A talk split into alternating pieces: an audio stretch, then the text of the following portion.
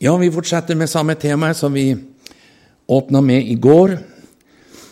Og da hadde vi overskriften fra bryllupet i Kana i Galilea, og det er innholdet i den beretningen som vi har som bakteppe for uh, våre tanker i uh, denne viken. For det er en profetisk uh, hendelse, samtidig som den fletter seg inn i mange tegn som Jesus gjorde, så har mange av hans tegn en profetisk dimensjon. Om ikke alle Ja, det kan godt hende, men det kan jeg ikke akkurat begrunne her og nå. Men jeg forsøker denne viken å begrunne eh, bryllupet i Kana. Og da går vi løs på skriftlesningen.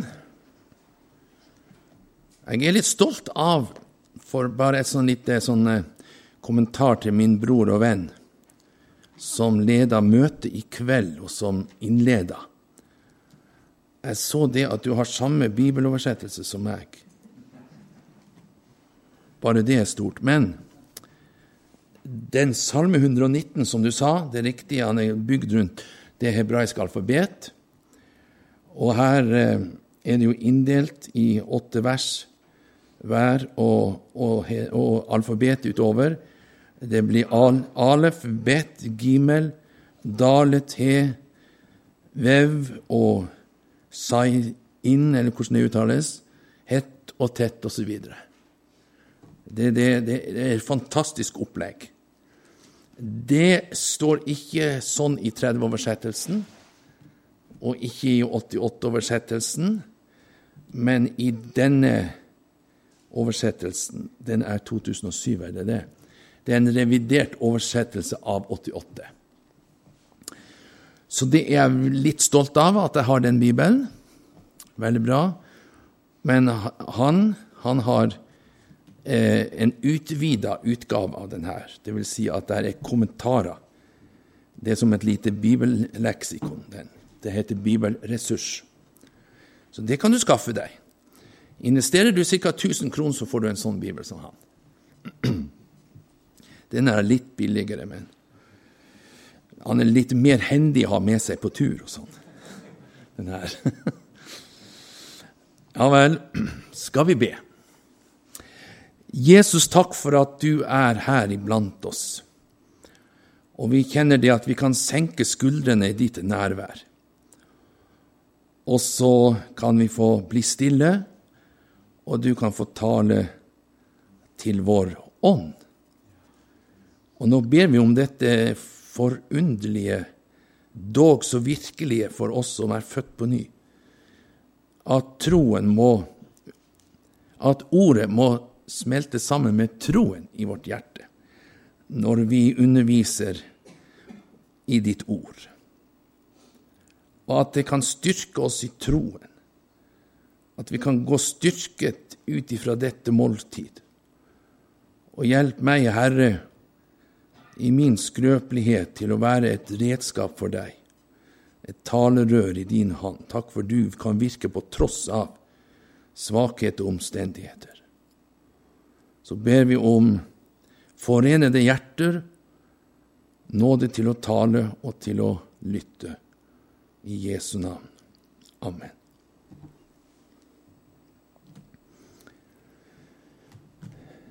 Et kort resumé fra i går. Og det er følgende.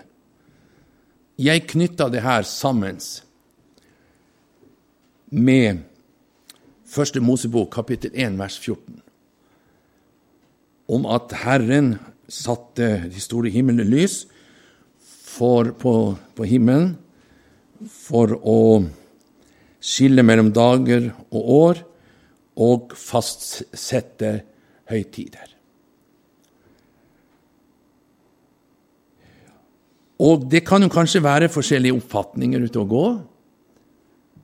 Men eh, tanken min bak det her, det er det at når det gjelder å fastsette høytider, så tenker jeg på det var jødefolket som, fikk påskehøytiden.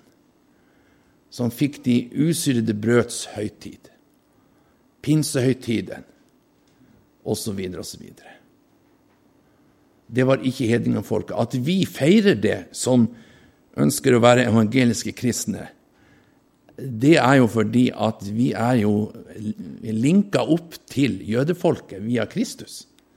Enten vi vil eller ikke. For dessverre så er det jo noen kristne som ikke knapt vet at Jesus var jøde. Det er noen som tror han er europeer. Ja, bare se på maleriene.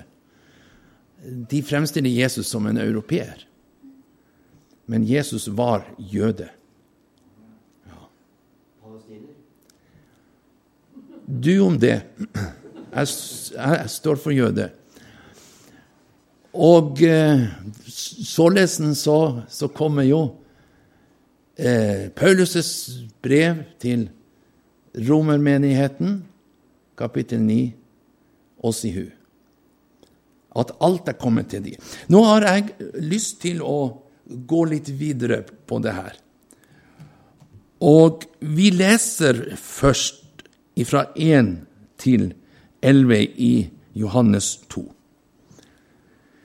Den tredje dagen var det bryllup i Kana i Galilea, og Jesu mor var der.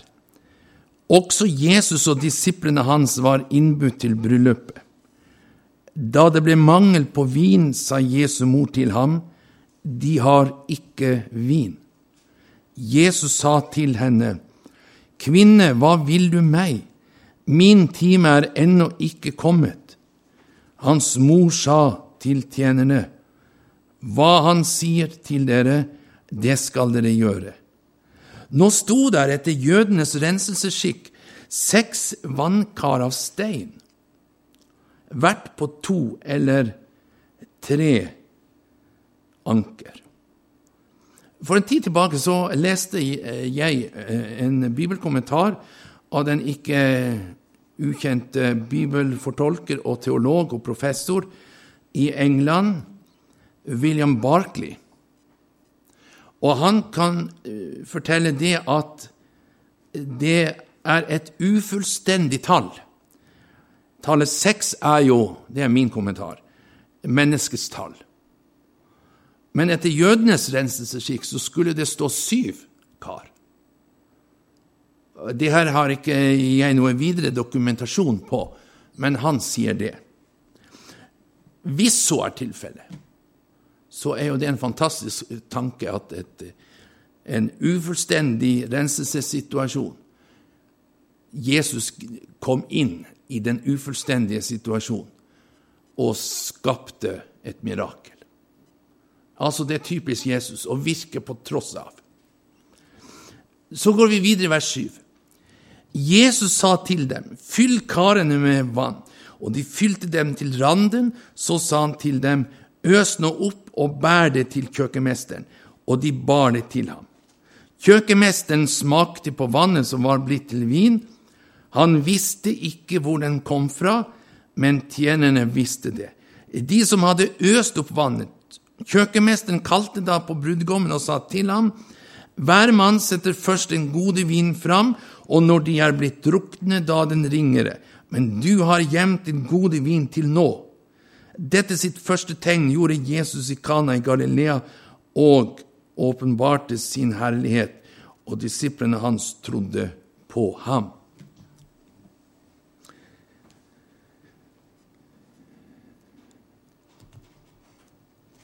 Så har jeg lyst til å dra deg inn i en historisk sett viktig hendelse og viktig familie for Israel og jødefolket.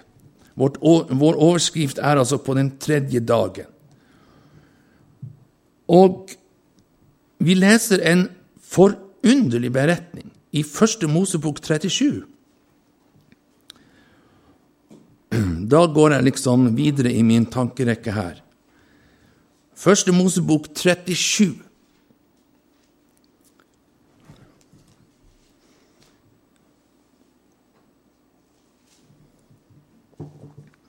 Og det handler om Josef. Og han hadde fått i oppdrag av Jakob å gå og besøke sine brødre som vokta fåret. Og I vers 5 står det en gang hadde Josef en drøm som han fortalte brødrene sine. Da hatet de ham enda mer. Han sa til dem, Vil dere høre en drøm som jeg har drømt?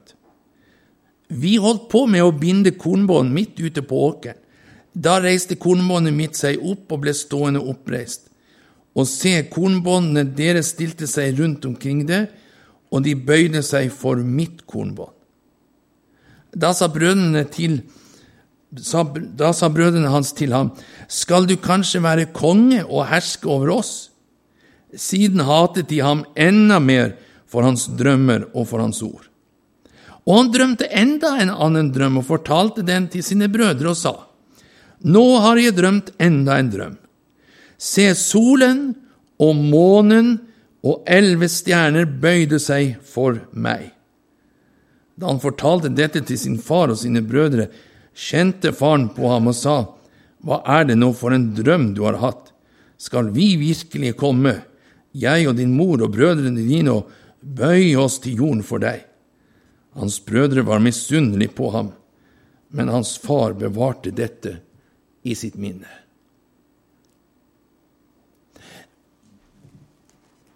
Det var jo en forunderlig drøm. Og vi som kjenner, i motsetning til hva Jakob gjorde der og da, så kjenner vi til hvordan det utvikla seg og, og endte det her. Og de fleste bibellesere og fortolkere er enig i den påstand at Josef er et bilde på Messias. Når vi sier Messias eller Kristus, så mener vi den salvede, som er ensbetydende med Jesus. Og så er det da denne disse to drømmene han hadde.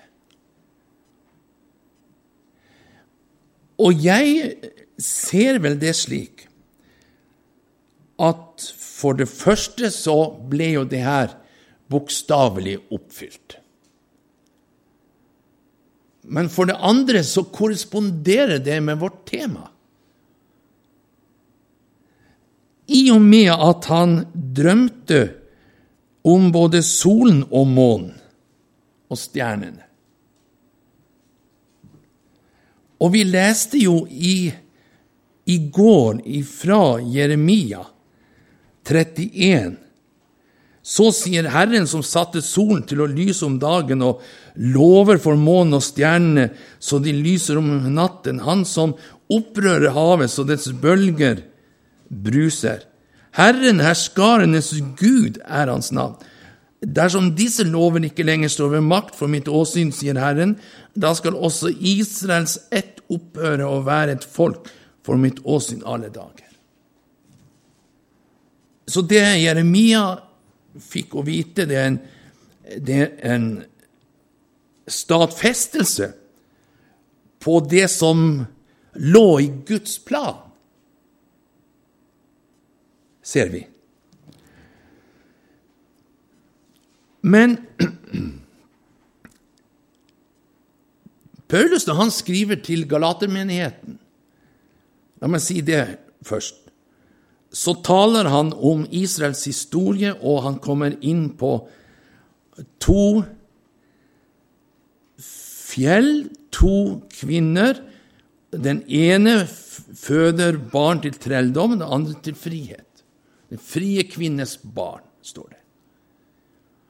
Og i dette han, han, han, innleder på en måte med å si i dette ligger det en dypere mening.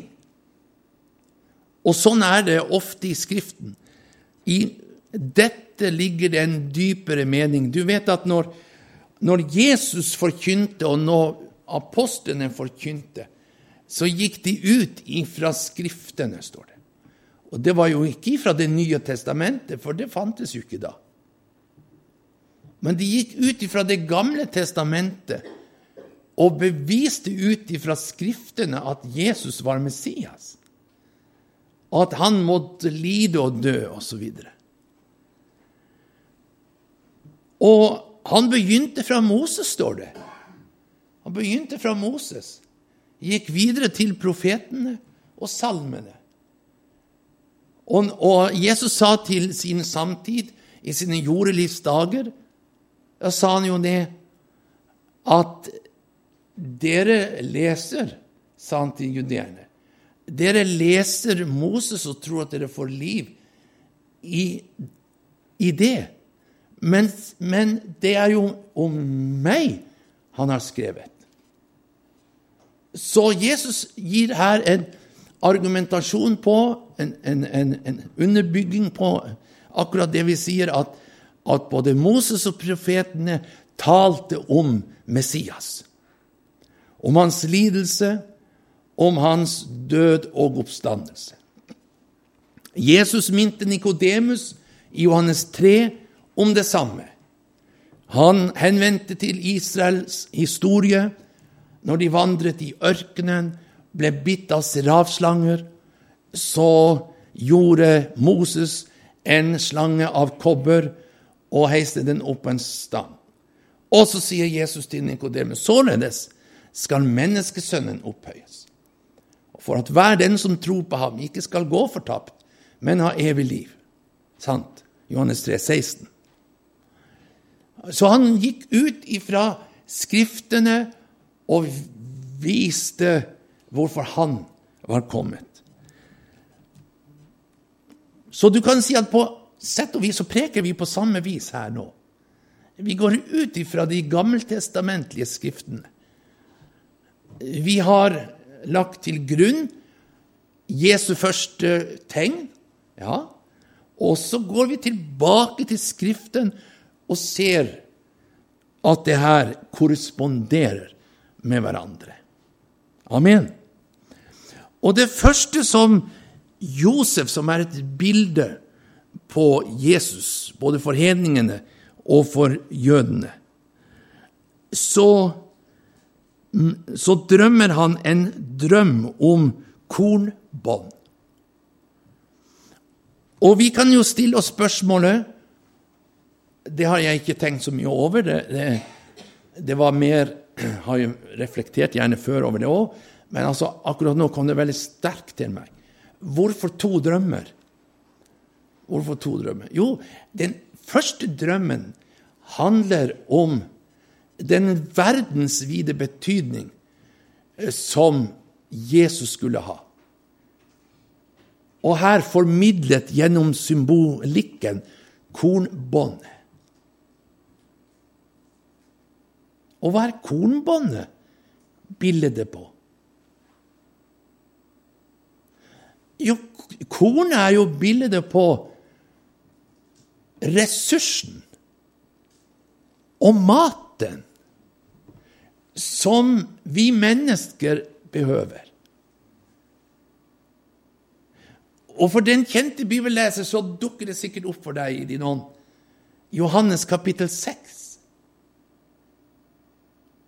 Og hva er det kapitlet kalt for? Jo, det er kalt for brødkapitlet.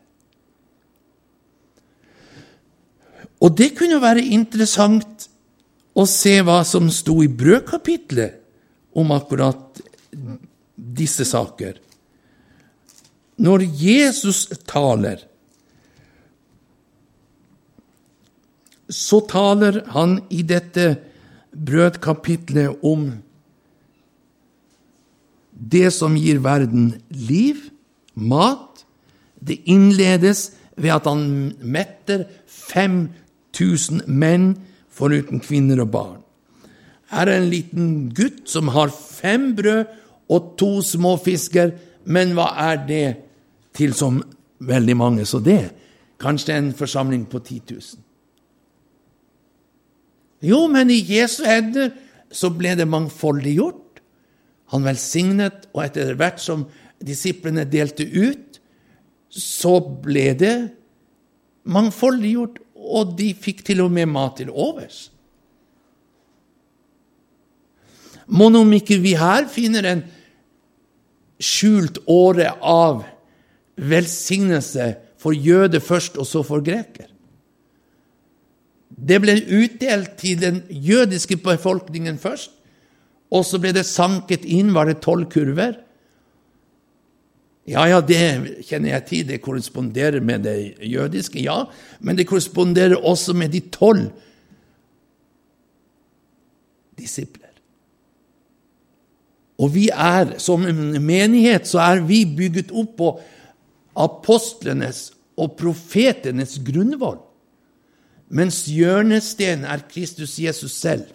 I hver, hver bygning føyer sammen og vokser til et hellig tempel i Herren. Så således korresponderer det da med menigheten. Her ser du hvordan vi kan trekke fram hemmeligheter ut ifra Guds ord. Og så avbrutt med at Jesus går på vannet, så fortsettes det i kapittel 6 fra vers 22 om at Jesus begynner å undervise om at han er livets brød.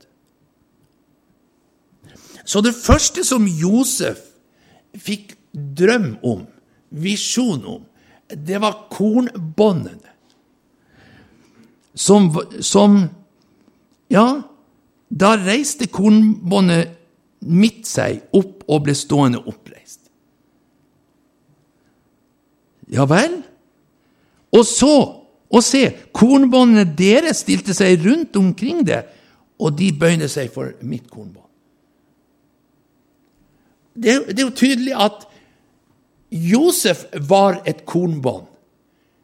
Og for å, å videreføre tanken som jeg nevnte Jesus er jo kornet. Ikke sant? Du er med på den tanken. For å få et skriftlig fundament for det, så kan vi slå opp i Jeg må se, hvis jeg husker rett I eh, Johannes i kapittel 12. Ja. Tror du ikke det var rett? Vers 24.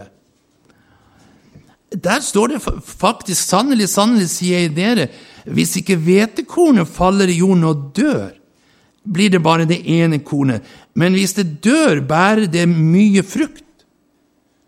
Og det er sagt i en kontekst som handler om Jesu lidelse og død.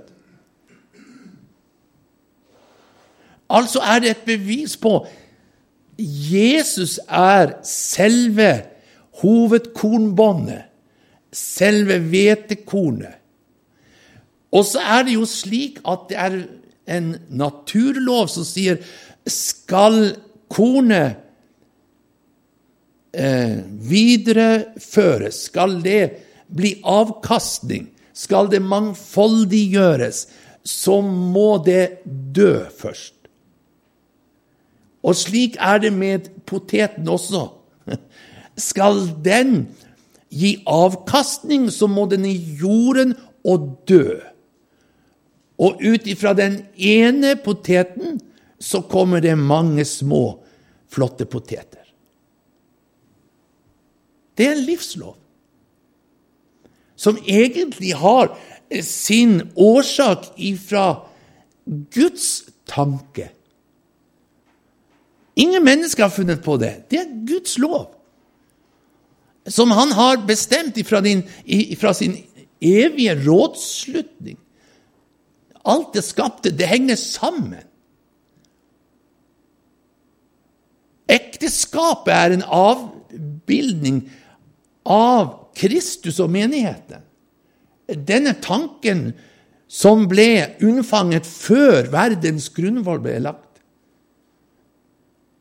Og det her prøver fienden Han prøver å rokke ved det og ødelegge det og skape skilsmisse. Israel og Herren er også en forordning, et ekteskap. Han kaller Israel for sin hustru. Og når de begynte å tilbe baalene, så, så var de utro imot ham. Ja. Men han vil forbarme seg på nytt igjen. Leste du profeten Hosea. Ja. Så, så, sånn ser vi at det, det går linjer i hele Skriften. Det er prinsipper som er knyttet sammen i Det gamle og Det nye testamentet, i, i livet for menneskeheten. Det er avspeiling av det guddommelige. Ja. Men så kommer djevelen inn som slangen i hagen og forstyrrer livsforbindelsen. Og det er bare én som kan gjenopprette det, og det er han som har seiret over djevelen på Golgata. Og allerede i begynnelsen, i kapittel 3 i første Mosebok, så står det at kvinnens ett skal knuse slangens hode. I dette ligger Kristus skjult og blir åpenbart i Det nye testamentet. Men tilbake til kornbåndet. Og så er det de som, som i ydmykhet, de andre nekene, de bøyer seg i ydmykhet til han som er hovedkornbåndet, som står der oppreist midt i, og de andre rundt, i ærbødighet. Det kan vi si er, er menigheten. For at vi får liv ifra Han som er Ordet. Og, i, og den som Gud står den stolte imot, men den ydmyke gir han nåde. Vi er avhengig, det må vi i ydmykhet se, vi er avhengig av Han som er Ordet. Og uten Ordet blir vi ikke født på ny.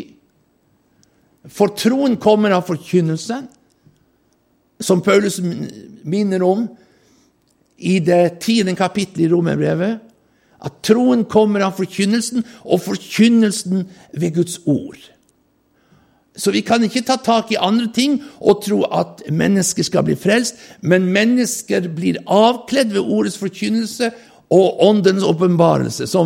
Ånden virker med ordet og avkler mennesker. Det er sjelden at du kan argumentere intellektuelt sett som mennesker blir frelst. Jeg vil påstå det går ikke an. Du, vinne, du kan kanskje vinne en diskusjon, men de blir ikke født på ny. Hvordan blir mennesker født på ny? Ved ordet og ånden. Og hvordan, hvordan, får vi vokse, kan du si, som kristne? Jo, ved ordet og ånden. Når vi i ydmykhet ser vi er avhengig av det midterste kornbåndet. For uten deg, eller som Jesus sa, uten meg kan dere intet gjøre. Og så går han eh, til eh, jødene, også Det var der, i kapittel 6. Så går han til jødene, og så sier han Jesus sa til dem eller skal vi se, vi går lenger opp. Vers 29 i kapittel 6. Jesus svarte og sa til dem, dette er Guds gjerning, at dere skal tro på Han som, sendt, som Han har sendt. Eh, de sa da til ham, hva tegn gjør du, så vi kan se det og tro på deg? Hvilken gjerning gjør du? Våre fedre åt manna i ørkenen, slik det står skrevet, brød fra himmelen ga han dem å ete.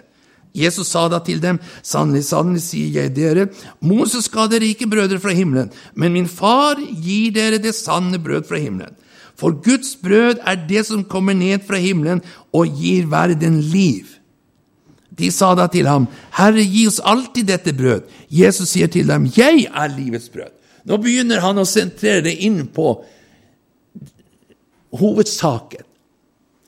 Og så kan vi stille spørsmålet hvordan blir et brød skapt? Jo, ved at kornet knuses til mel. Og, i, og det ser vi bl.a. når de skulle lage skuebrødene i den første helligdommen, eh, som kalles for tabernaklet, før tempelets tid. Så opplevde eh, Moses å, å, å, å motta forordningen ifra Herren om hvordan skuebrødene skulle, skulle lages. Og da, da, måtte det jo knuses, kornet. Og så står det mål og vekt på hvordan, hvordan oppskriften skulle være, og så skulle de lage tolv skuebrød. Og det er også et bilde på Kristus. Og selve prosessen er et bilde på lidelsen, den lidende Kristus. Ja. For de måtte annet også ha olivenolje i, i denne baksten. Og, og olivenoljen den fikk du utvunnet av oliven med riktig å knuse den. Og således så oppfylles Skriften det behaget Herren å knuse ham. For ved at han blir knust, ved at hvetekornet faller til jorden og dør, så blir det altså ikke bare det ene korn. Men som Jesaja sa i kapittel 53, han hadde fått det behaget Herren, og at han skulle få de mange til del. Som et resultat av at han gav sitt liv. Det var ingen mennesker som tok livet, men han ga det for oss alle. For jøde og for greker. Ja. Vel, da har vi sagt litt om kornbåndet. Men vi toucher jo litt litt inn på det selvfølgelig videre, når vi går videre frem og ser på den andre drømmen, som er desidert tilegnet det jødiske folk, vil jeg påstå. For der drømte han om det som fastsetter tider og, og, og dager og år osv. Se solen og månen og elleve stjerner. Hva hva forteller det her? Jo, hva eh, Hvilket bilde er det som, som, som, han drømmer? Han drømmer om solen, og hvordan skinner månen? Har han lys i seg selv? Nei, det er bare sola som har. Ja, ja, hva skjer da? Vi, vi ser jo om natta at, at månen, når det er måneklar, spesielt fullmåne, da, vet du, så lyser det jo. Ja, hvor, hvor får han sitt lys ifra? Jupiter? Nei, han får lyset ifra solen. Så det reflekterer og kaster sitt lys da, også om natten, fra solen via månen. Og i det ligger det en dypere mening. Solen er Gud. For det var det han egentlig drømte. Og månen og stjernene taler om de som mottar lyset. Og hva er lyset i denne sammenheng? Jo, det er loven. Det er loven, det som Gud ga til det jødiske folk. Ja. Nå tror jeg, Henriksen, at du er ute og kjører litt. Ja, det kan så være, men jeg gir meg ikke med en gang. For jeg vil bare minne deg om hva, hva Paulus sier i Romerne 9. Jeg sier sannheten i Kristus. Jeg lyver ikke. Min samvittighet vitner med meg i Den hellige ånd at jeg har en stor sorg og en stadig nød i mitt hjerte, for jeg skulle ønske at jeg selv var forbannet bort fra Kristus for mine brødres skyld, mine slektninger etter kjødet. De er jo israelitter. Dem tilhører barnekåret og herligheten og paktene og lovgivningen og gudstjenesten og løftene er du med?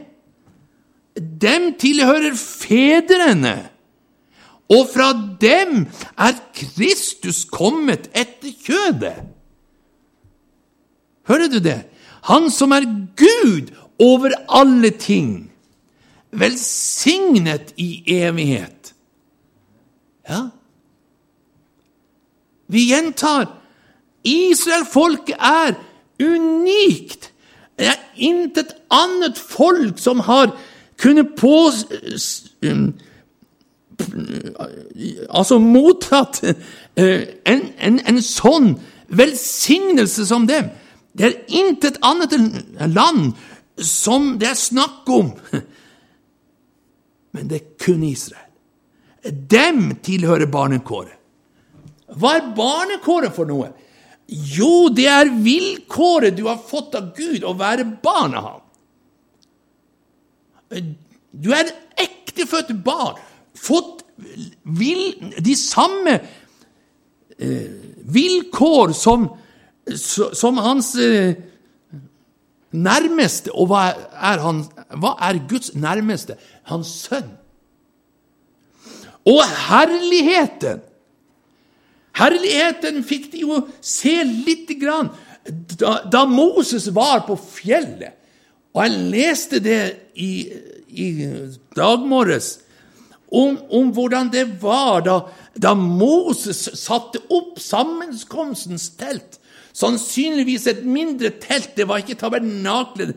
Det måtte jo være For det står at det var utenfor leiren. Men selve tabernaklet, det var midt i leiren. Og så var de leiret rundt tabernaklet. Men her var det snakk om når han kom, etter å ha, ha tatt to, to, nye stentavler, og det var hogd inn det som Gud ha, hadde befalt.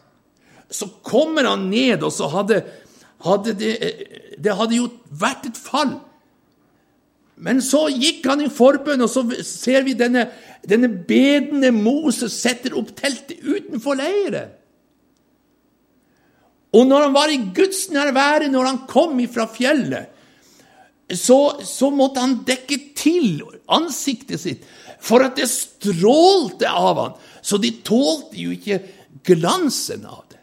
Det her er jo også Paulus inne på i 2. Korinterbrev kapittel 3. Om denne herligheten som som avspeilet seg i Moses' ansikt fordi at han hadde vært i Guds nærvære, og han fortsatte i Guds nærvære når han kom ned ifra fjellet i dette sammenkomstens telt.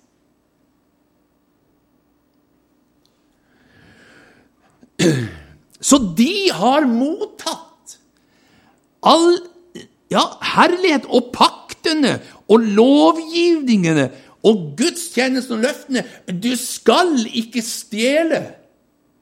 Det er forordninger som Gud har forordnet, som også er innfelt i menneskeslektens egen samvittighet. Du skal ikke slå i hjel.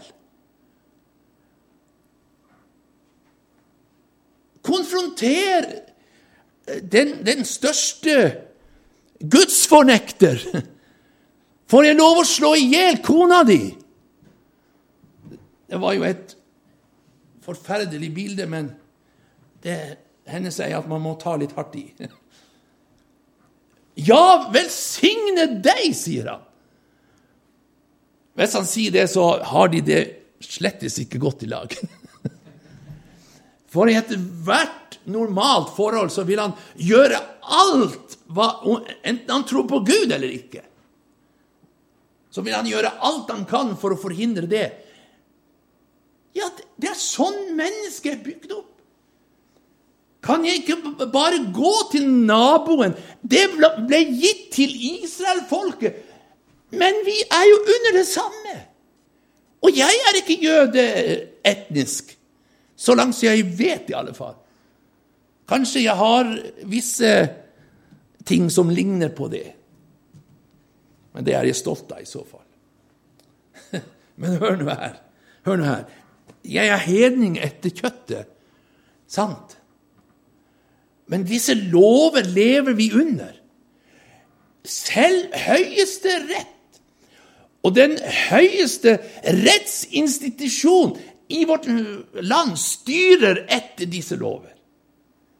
Hvis du stjeler, så må du svare for det. Hvis du går uærlig fram, hvis du slår i hjel, hvis du myrder, osv., osv. Disse ti bud er gitt først og fremst til det israelske folk, og hele menneskeheten må styre etter det, for det ligger nedfelt i vår samvittighet. Ja. Så du skjønner det at eh, det Josef så i drømmen, det var av prinsipiell betydning for hele menneskeslekten. Så det, det var først kornet, symbolet på ordet, og så kommer det fram i neste drøm at de skulle være mottagere og forvaltere av lyset fra evangeliet, som Paulus uttrykker det. Så de være, skulle være forvaltere av Herrens bud og lov og, og forordninger. Og så vet vi at de er inne i en delvis forherdelse nå, profetisk. Ut ifra Romerne kapittel 11 skjønner vi det. Ja. Men Herren skal fortsette der han slapp, holdt jeg på å si. Ja. For han skal vende tilbake igjen og bygge opp igjen Davids falne hytte. Så resten av hedningene Og da skal det på nytt igjen gå ut ifra Israel. Det begynte i Israel. Det begynte med Jakob, eller begynte med Abraham, da. Og det skal igjen begynne med Israel, for lov skal utgå derifra, og hedningene skal hige etter å få gripe tak i hebreernes kappe, for, for, for, de skjønner at Gud er med dere. For at resten av hedningene Før, når jeg var ung, og før den tid, altså når jeg var barn Må gå så langt tilbake. Det er, det er, bare 20 år siden. Nei, det er litt mer. Skal du høre Så, så var det en forkynnelse som var veldig vekkelsesbetont. Og den gikk ut på Blant annet ble det sagt at eh, hvis du ikke tar imot Jesus nå, så, så er det for sent. Den læren vil jeg justere litt. Det er riktig i forhold til at vi har ikke garanti for morgendagen. Men ifølge de profetiske linjer så kan du også bli frelst etter at Jesus har hentet menigheten. Men da går det gjennom martyrium. For da er det den som ikke tilber Antikrist i den 70. siste del, den 70. årsukes siste del, for å være nøyaktig, som ikke De som ikke tilber ham, de må halshugges. For de har sett Og jeg tenker at etter menighetens opprykkelse så vil det jo leve igjen mennesker som har hørt om evangeliet. Det er jo naturlig å tenke sånn. Og disse som lever da etter opprykkelsen En god del av disse kommer med i en stor vekkelse. Det er jeg 100% sikker på. Det var da veldig så hoffmodig du var. Nei, vent nå. Har ikke du lest i åpenbaringsboken? Det er om å, å, å, å, kjenne Skriften, skjønner du. Og Skriften forteller det at det er er en del store skare som, som står der. Første skaren representeres ved de 24 eldste og de fire livsvesener. I kapittel 5 i åpenbaringsboken. Senere så møter du en stor skare som ikke lot seg telle. Og, og Johannes spør hvem er disse? Jo, disse er de som er kommet ut av den store trengsel. Ja. Så det forteller meg det at det må jo da nødvendigvis ha vært en vekkelse. Riktignok ikke på samme måte som det du og jeg opplever når det er vekkelse. Skjønt det vet vi ikke. Og, og, de skal heller ikke være med i noen opprykkelse, slik som vi. Salig er de som får del i den første oppstandelse. sant? Ja. Så det blir litt uh, andre ting etter da.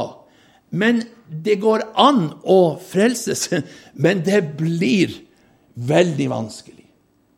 Så derfor kan vi si oss enig på en måte at det, det, er, det, det er den beste anledningen, iallfall, å ta imot Jesus i nådens tidshusholdning.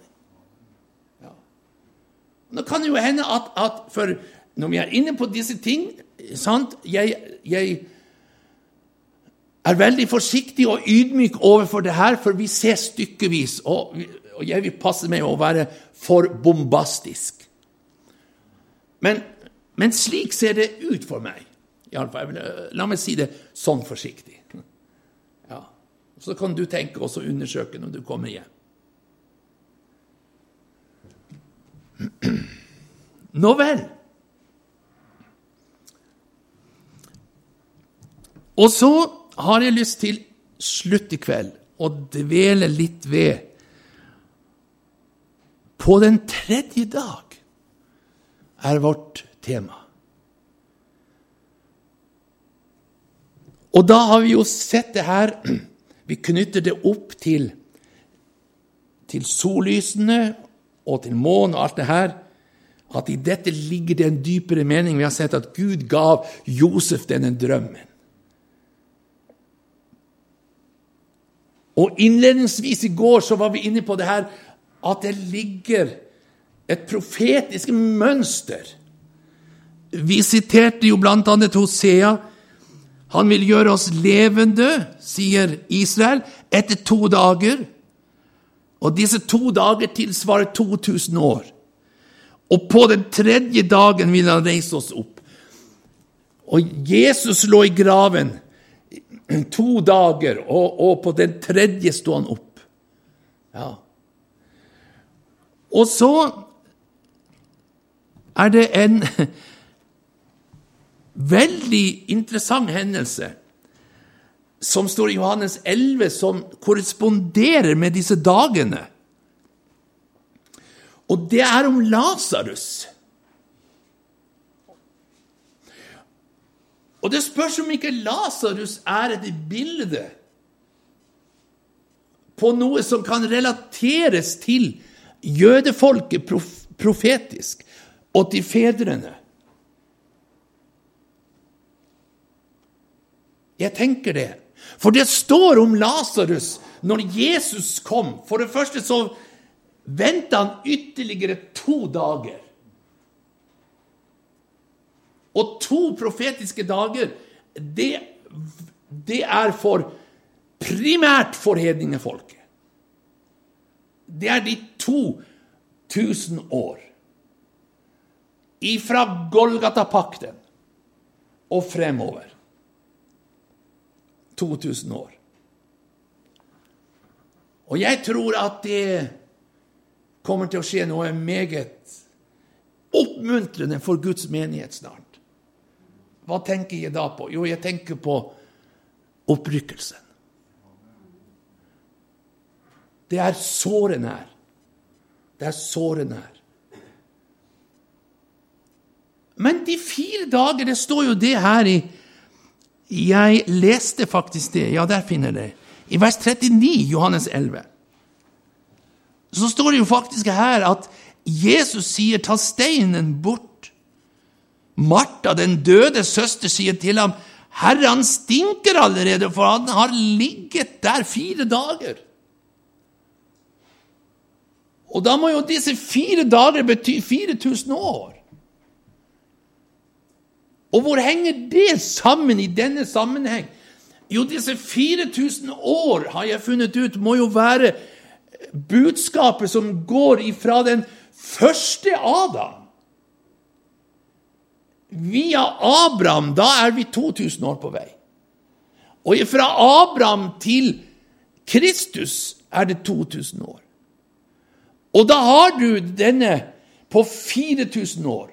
Og ifra Kristus og fra, framover til menighetens opprykkelse skal det være 2000 år, og da er vi 6000 år, eller seks profetiske dager av sted. Og så kommer vi inn på den syvende dagen, som i profetisk sammenheng er den store sabbatshvilen. Ja. Sabbatshvilen for hele jorden og for Guds folk. Da skal djevelen, den falske profet og antikrist bindes for 1000 år. Tenk det. Da blir det fred på vår jord. Ja. Men så i, tilbake igjen. Ifra Adam og til Kristus. Og Paulus kaller Jesus Kristus Messias for den siste Adam. Ergo kommer det ikke flere Adamer. Nei. Og hva, hva, hva er, er, forskjellen? Jo, der, nå, nå, kan du prøve å se det profetiske scenariet i denne broren Lasarus til Martha og Maria. Og Jesus hadde Lasarus kjær. Det var god connection mellom dem. Men her tror jeg også ligger en profetisk dimensjon, også i denne hendelsen som Jesus var med og utførte dette miraklet, dette tegnet. At han er herre over døden. Han er herre over døden. Altså, det, Med dette viser han at den død som Adams fall hadde ført inn i verden,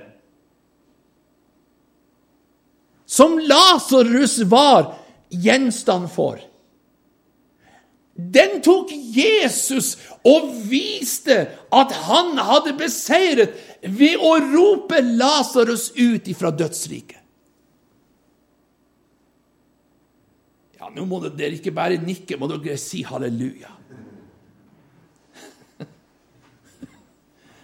Det, det, skjønner du hvilke, hvilke saker vi har for oss her? Det er kolossalt! Om, om en som har beseiret døden. Ja, han hadde ligget fire dager og stinka. Og alt det som, som djevelen førte inn i verden, det stinker av. Det er dårlig atmosfære. Men så fører Jesus Kristus Messias, den siste Adam, liv og uforgjengelighet fram i lyset ved evangeliet. Unnskyld, jeg blir hø høyrøsta, men jeg er nødt til å variere stemmen. Pluss at jeg ble jo plutselig litt inspirert her. Ja. Han fører liv og uforgjengelighet fram i lyset ved evangeliet. Og når det skjedde det, det det, det, her skjedde jo før Golgata, men alt springer ut ifra Golgata, for Golgata har tilbakevirkende kraft samtidig som den har kraft fremover. Og det var fundamentert i det han var kommet for å gjøre. Jesus sa, 'Jeg er kommet, Gud, for å gjøre din vilje', sa han i det at han trådte inn i denne verden. Offer og gaver ville du ikke lenger ha.